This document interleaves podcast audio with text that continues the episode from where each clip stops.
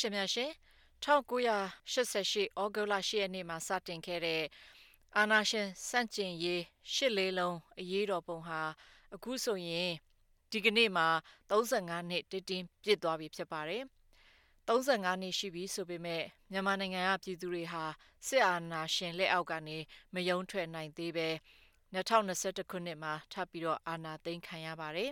။ဩစတြေးလျနိုင်ငံမှာလည်း35နှစ်ပြည့်88 အရေးတော်ပုံနှစ်ပတ်လည်ကို အမျိုးမျိုးကျင်းပကြပါတယ်။အဲ့ဒီအထဲမှာမဲလ်ဘန်မြို့က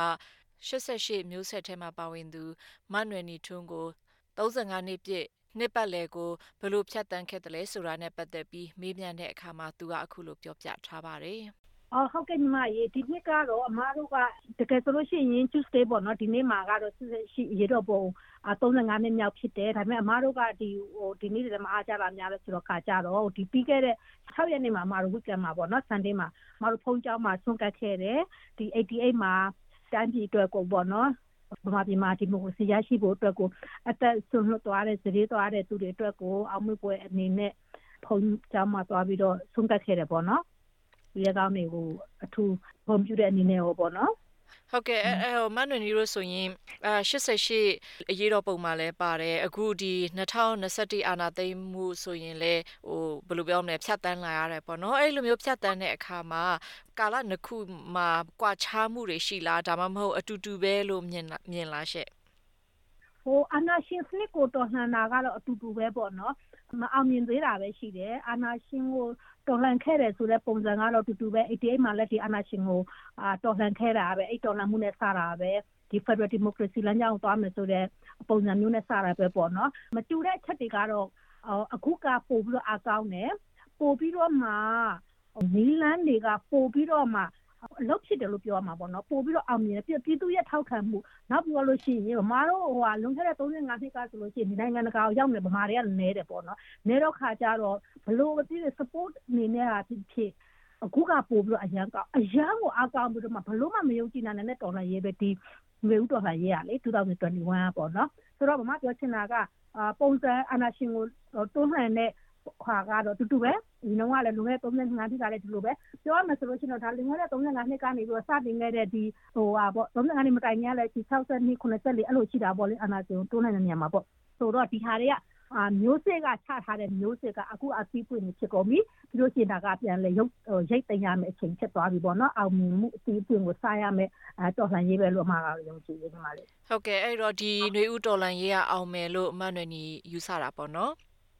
အာအမလုံးဝကိုယုံကြည်တယ်စပါဝင်လဲကယုံကြည်အရင်လည်းအားရတယ်ဟုတ်ကဲ့ပါရှင်မန်နွယ်နေအခုလိုမျိုးဖြည့်ချပေးတဲ့အတွက်ကျေးဇူးတင်ပါတယ်ရှင်ဟုတ်ကဲ့ပါညီမရေကျေးဇူးအများကြီးတင်ပါတယ်နော်ရေတော့ပုံအောင်ရမည်မန်နွယ်နီထွန်းရဲ့ပြောပြချက်တွေဖြစ်ပါတယ်အခုဆက်လက်ပြီးတော့1988တုန်းကဆရာဝန်ဖြစ်ခဲ့ပြီးအဲ့ဒီနောက်ပိုင်းမှာလဲနဲ့ကင်လန်းစင်ကိုရွေးချယ်ခဲ့ပြီးတော့ဒီနောက်ပိုင်းမှာလည်း ဒီအာနာရှင်စန့်ကျင်ရေးတွေမှာတောက်လျှောက်ပါဝင်ခဲ့သူဒေါက်တာမြင့်ချိုကိုလည်းဆက်သွယ်မေးမြန်းထားပါတယ်။ဆစ်ဒနီမြို့ကမြမရေးလေးလာသူဒေါက်တာမြင့်ချိုကရှစ်လေးလုံးအရေးတော်ပုံနဲ့ຫນွေဦးတော်လန်ရေးရဲ့ကွာခြားမှုကို အခုလိုပြောပြထားပါတယ်။ဟုတ်ကဲ့ရှစ်လေးလုံးဒီမိုစီတို့မကြီးပေါ်ပေါက်လာတာနဲ့ဒီຫນွေဦးတော်လန်ရေးပေါ်ပေါက်လာပုံကမတူဘူးခင်ဗျ။ရှစ်လေးလုံးရေးတော်ပုံကြတော့ ဟို26နှစ်ကြာတပါတီအာဏာရှင်စနစ်အောက်မှာဖိနှိပ်အုပ်ချုပ်မှုတွေဒီမိုကရေစီလူ့ခွင့်နဲ့လွတ်လပ်ခွင့်တွေပိတ်ပင်ထားမှုတွေနောက်ဆင်းရဲမွဲတေမှုတွေနောက်အထွေထွေချက်တဲမှုတန်တွေကိုမခံနိုင်တော့လို့ចောင်းသားလူငယ်တွေနဲ့ပြည်သူတွေက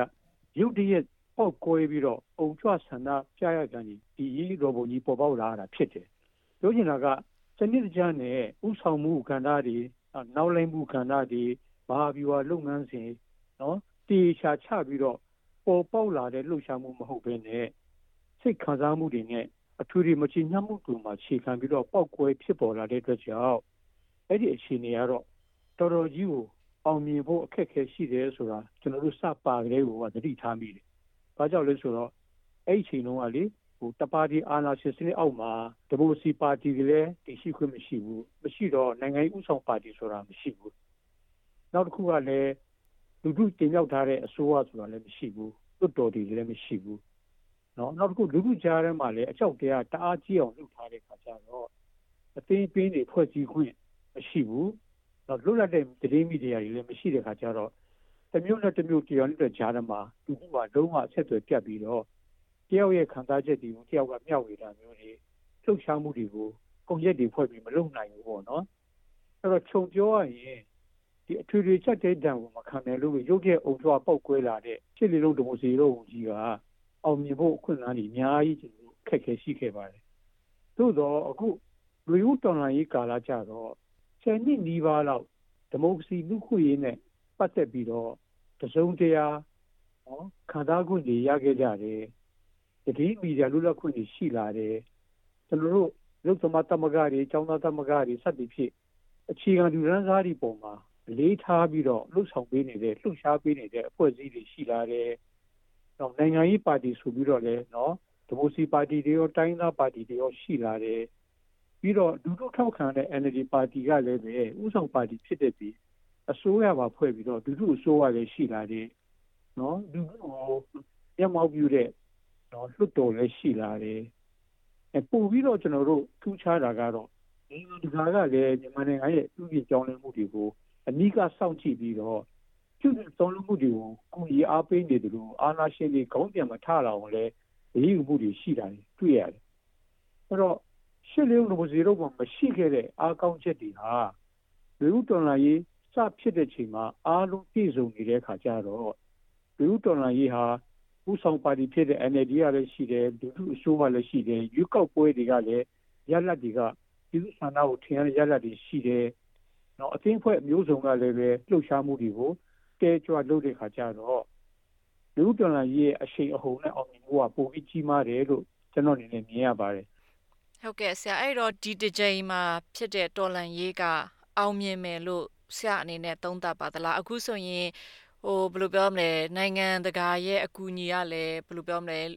လိုချင်တဲ့အတိုင်းတာမျိုးလောက်ဘယ်လိုပြောပြောဟိုဘယ်လိုမှရှုတ်ချပါတယ်ဆိုတာလောက်ပဲရှိတယ်ဆိုပြီးတော့ပြောဆိုနေဝေးချပန်ကြတာတွေရှိတယ်လေဆရာအဲ့ဒီလိုမျိုးအကြားမှာအောင်မြင်နိုင်မယ်လို့ကောဆရာအနေနဲ့ယူဆပါသလားရှင်ကျွန်တော်ကတော့အောင်မြင်မယ်လို့ယူဆပါတယ်ဘာကြောင့်လဲဆိုတော့ကျွန်တော်နိုင်ရှင်ပြသလိုပဲရှစ်လီလုံးရေးတော့ဘုံတော့ကနိုင်ငံတကာကမြန်မာနိုင်ငံကိုသိလည်းမသိဘူးစိတ်လည်းမဝင်စားဘူးရေးလည်းမယူဘူးနောက်တစ်ခုကကျွန်တော်တို့ပြည်သူလူထုကလည်းပဲအကြောက်တရားအောက်မှာနေရတော့ လွတ်လပ်မှုဆိုတာဒီမိုစီခွင့်ယူဆိုတာပြောတာပြောတယ်တိချာကကနနမသိဘူးခင်ဗျခံစားမှုလည်းမရှိဘူးအဲ့တော့အာနာပြန်သိမ်းလို့ဘာမှလည်းထူပြီးတော့ဆုံးရှုံးသွားတာမျိုးပြင်းပြထန်ထန်ခံစားရတာမျိုးမရှိဘူးဗျလူငယ်တွေကလည်းတမိုင်းဟာလားအမားတွေကိုပဲနားထောင်ပြီးတော့မြန်မာနိုင်ငံနဲ့ပတ်သက်တဲ့ကိစ္စတွေကိုစိတ်ဝင်စားမှုရှိရင်တော့မှတမိုင်းအမားတွေနဲ့ပဲသူတို့ကတခြားလုံးကြီးပြင်းလာတဲ့ခါကျတော့ဘာပြောပြောအဲ့ဒီတော့ကနော် လှုပ်ရှားမှုတွေကအကြောင်းသားတွေပဲအဓိကနော်ဒီကျဲချွာလုပ်ခဲ့တာတွေရှိတယ်နောက်တစ်ချက်ကလည်းဒီခဏလူငယ်တွေကြတော့မဟုတ်ဘူးနော်ဒီတို့ဆိုရလက်အောင်မှာနော်နားနှစ်ကြကြောလောက်လွတ်လပ်မှုကိုခံစားရတဲ့ခါကျတော့နိုင်ငံတကာနဲ့လည်းခြေဆန့်ပြီးတော့အတွေ့အကြုံတွေကလည်းရှိထားပြီးပြီလေနောက်ခင်မီနီးပညာတွေနဲ့တန်နိုင်ငံလုံးတစ်ကမ္ဘာလုံးကွန်ရက်တွေချိတ်ဆက်ပြီးတော့နော်သူတို့လှုပ်ရှားမှုတွေနော်တိုင်ပင်မှုတွေလှုပ်ထားတဲ့ခါကျတော့ဒီအခြေအနေခေါင်းတွေကဘ လို့မှဟိုတစ်ခေတ်တုန်းကလိုမီဒီယာကိုအမောင်ချပြီးတော့လူမတိသူမတိဖိနေတာမျိုးလုပ်လို့မရတော့ဘူးလေအဲ့တော့နိုင်ငံတကာဘက်ကလည်းပဲအဓိကစောင့်ကြည့်ပြီးတော့သူတို့လုပ်နိုင်တယ်မြရည်ဥဆောင်မှုအားလုံးလုပ်ပေးနေတယ်လေဒါနိုင်ငံတကာကသူ့နိုင်ငံရဲ့အကျိုးစီးပွားလဲသူကြည့်ရအောင်ပါဟုတ်အဲ့တော့သူ့အကျိုးစီးပွားလဲမထိခိုက်အောင်မြန်မာပြည်သူတွေရဲ့အကျိုးစီးပွားလဲရေတော်မြောက်ပေးပြီးတော့အားပေးရရောက်အောင်သူချိန်ဆပြီးလုပ်နေတဲ့အပိုင်းတွေရှိပါတယ်ပြည်သူကြတော့လုံးဝကွာသွားတယ်ခင်ဗျ ကျွန်တော်တို့1988ရေးခင်းနောက်ပိုင်းမှာစစ်အာဏာရှင်တွေကအာဏာသိမ်းပြီးတော့ရွေးကောက်ပွဲလုပ်ပေးပြီးရင်စစ်တပ်ကိုတော့ပါးလိုက်ပြန်ပို့မယ်နိုင်ရတဲ့ပါတီကိုအာဏာပြန်အပ်မယ်ဆိုပြီးတော့ဂတိပေးတော့အဲ့တော့နိုင်ငံရေးပါတီတွေနဲ့လူထုကအဲ့ဒီပေါ်မှာလက်ခံလိုက်ပြီးတော့လူထုလှုပ်ရှားမှုတွေကိုရပ်လိုက်ပြီးတော့အဲ့ဒီရွေးကောက်ပွဲရလနဲ့နော်တို့နိုင်ရင်တိုင်းပြည်ကိုပြန်ပြီးတော့ကြောင်းလဲနိုင်ပြီးဆိုပြီးတော့ယုံကြည်ပြီးတော့လုပ်ကြတာ哦 ဒါပေမဲ့တိတဲ့အတိုင်းပဲဒါကတင်စီနေပဲရ哦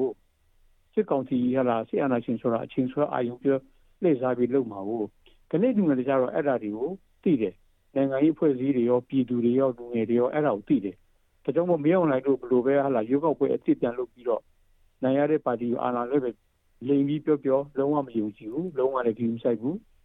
စစ်အာဏာရှင်စနစ်လုံးဝအနိစ္စချိန်မုံရေးကိုပဲနော်တောက်လျှောက်ကြိုးပမ်းနေကြတယ် နောက်တစ်ချက်မတူတာကလေထူးခြားခြားကျွန်တော်တွေ့ကြုံအပြောရရင်ကျွန်တော်တို့ရှစ်တဲ့ရှစ်ရေတော်ဘုံတော့ကဒီမိုစီရရှိရေးကိုပဲနော်ဒီမိုစီအစိုးရပေါ်ထွန်းရေးကိုပဲတောင်းဆိုလာကြတဲ့ခါကျတော့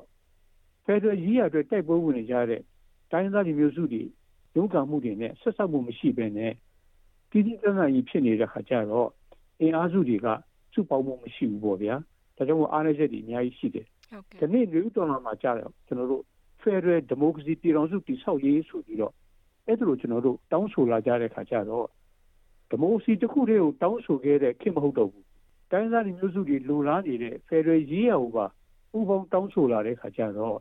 ဒီ Federal Democracy ပြည်တော်စုတည်ဆောက်ရေးဆိုတဲ့တောင်းဆိုချက်ဟာအမြင့်မားဆုံးနဲ့တိုင်းပြည်လုံးလွှမ်းခြုံတဲ့တောင်းဆိုချက်ဖြစ်တဲ့ကြောင့်ဒီမိုကရေစီအင်အားစုတွေရောနော်တိုင်းသားအင်အားစုတွေအားလုံးလက်ခံပြီးတော့ပူပေါင်းဆောင်ရွက်နေကြတာအားလုံးသိတဲ့အတိုင်းပဲလေ ဒါဟာဝိဥတော်လာရဲ့အထူးခြားဆုံးနော်အောင်မြင်မဲ့လမ်းကြောင်းပေါ်မှာခြေချနိုင်မဲ့နော်အခွင့်အလမ်းအကောင်းဆုံးတစ်ခုဖြစ်တယ်လို့ကျွန်တော်အနေနဲ့မြင်တယ်အဲ့တော့ခြုံပြောရရင်ဘာကြောင့်အောင်မြင်မလို့ကျွန်တော်ပြောနိုင်လဲဆိုတော့တပတ်တစ်ချက်လူငယ်တွေဟာပြည်သူတွေဟာကိုယ့်ရဲ့လွတ်လပ်ခွင့်တွေကိုကိုယ်ကိုယ်တိုင်တိုက်ယူမှရမယ်ဆိုတဲ့ပြင်းပြတဲ့တော်လှန်ရေးစိတ်ဓာတ်နဲ့နှီးပေါင်းစုံနဲ့လူလူတိုက်ပွဲရောနိုင်ငံရေးတိုက်ပွဲရောတည်မီဒီယာတိုက်ပွဲတွေရော စီးပွားရေးတိုက်ပွဲတွေရောတန်တမာရေးတိုက်ပွဲတွေရောနောက်ဆိုလက်နက်ကန်တိုက်ပွဲနဲ့ပါရွေးရှင်တိုက်ပွဲဝင်နေကြတာကိုကြည့်ခြင်းအဖြစ်ဒီຫນွေဥတော်လိုင်းရဲ့အောင်မြင်တယ်ဆိုတာပြောလို့ရတယ်ဒုတိယချက်ကဒီတိုက်ပွဲတွေအကုန်လုံးပေါ်မှာလက်နက်ကန်တိုင်းသားအင်အားစုတွေရောတခြားအင်အားစုတွေရောအလုံးအပြည့်အဝကူညီပံ့ပိုးပေးနေတာကိုကြည့်ခြင်းအဖြစ်ဒီဥတော်လိုင်းရဲ့အောင်မြင်ဖို့အလားအလာကောင်းတွေရှိတယ်ဆိုတာပြောနိုင်တယ်နောက်တစ်ချက်ကပြည်ပရောက်နေတဲ့ကျွန်တော်မြန်မာနိုင်ငံသားဟောင်းတွေ88မျိုးဆက် ဒီပြည်ပရောက်သွားတဲ့ကျွန်တော်တို့ရဲ့ဒီကွန်မန်နမတွေအားလုံးကလည်းဒီတို့ရဲ့ချွေးနှဲစာနဲ့နော်ချစ်ချုပ်စုဆောင်ပြီးတော့ဒီနေ့အင်းနဲ့တော်လန်ရေးမှာရှိနေတဲ့ PDF လူငယ်တွေကိုအပြည့်အဝနော်ကူညီပေးနေတာကိုတွေ့ရတဲ့ကြောင့်ဒါလည်းထောက်ဖို့ကဏ္ဍကကြည့်မယ်ဆိုရင်အရေးကြီးတဲ့ကဏ္ဍမှာအားရှိစရာအခြေအနေကိုတွေ့ရတယ်။နောက်တစ်ချက်ကလည်းနိုင်ငံတကာကလည်းအရင်တုန်းကလိုနော်နှုတ်ဖျားနေတဲ့ပုဂ္ဂိုလ်ပဲနဲ့တကယ်ကိုစစ်ကောင်စီအထိနာစေတဲ့ တန်တမာရေး PR တွေနိုင်ငံရေး PR တွေစီရေး PR တွေသူတို့ရဲ့စီးပွားရေးချိုးယူကိုဖျက်တောက်မဲ့စီးပွားရေးပိတ်ဆို့တန်ခါမှုတွေအစတော့တဖြည်းဖြည်းနဲ့ပြင်းထန်လှုပ်လာတဲ့ပုံမှာဒါတွေကလည်းပဲတော်လိုင်းအောင်မြင်ဖို့အတွက်အထောက်ပံ့ဖြစ်တယ်လို့ကျွန်တော်အနေနဲ့မြင်ပါတယ်အဓိကကတော့ကျွန်တော်ပြည်သူတွေဟာစစ်ကောင်စီကတဲ့ပြားခြင်းနဲ့ရွေးကောက်ပွဲတော့တုတ်ပြီးပြီးတော့အာဏာအမယ်ဆိုတဲ့ကိစ္စကိုလုံးဝလက်မခံတော့ဘဲနဲ့စစ်ကောင်စီလုံးဝကြဆုံးအောင်စစ်အာဏာရှင်စနစ် လုံးဝချုပ်ငြိအောင်လုပ်ပြီးမှကျွန်တော်တို့လူချင်းနဲ့ Federal Democracy ပြည်တော်စုကိုတည်ဆောက်နိုင်မယ်ဆိုတာယုံကြည်ပြီးတော့အပြတ်ပဲကျွန်တော်တို့ချိန်မိုးဖို့ကြိုးစားနေကြတာဟာတကယ်အားရစရာကောင်းပါတယ်ဒီချက်လက်တွေဟာဝိဥတော်လိုင်းအောင်မြင်ဖို့အတွက်တကယ်အလားအလာကောင်းတွေအခြေအနေကောင်းတယ်လို့ကျွန်တော်အနေနဲ့ယူဆပါတယ်ဟုတ်ကဲ့ပါရှင်ဒေါက်တာမြင့်ချိုအခုလိုမျိုးဖြည့်ကြားပေးတဲ့အတွက်အများကြီးကျေးဇူးတင်ပါတယ်ရှင်ဟုတ်ကဲ့ကျွန်တော်ကလည်းကျေးဇူးတင်ပါတယ်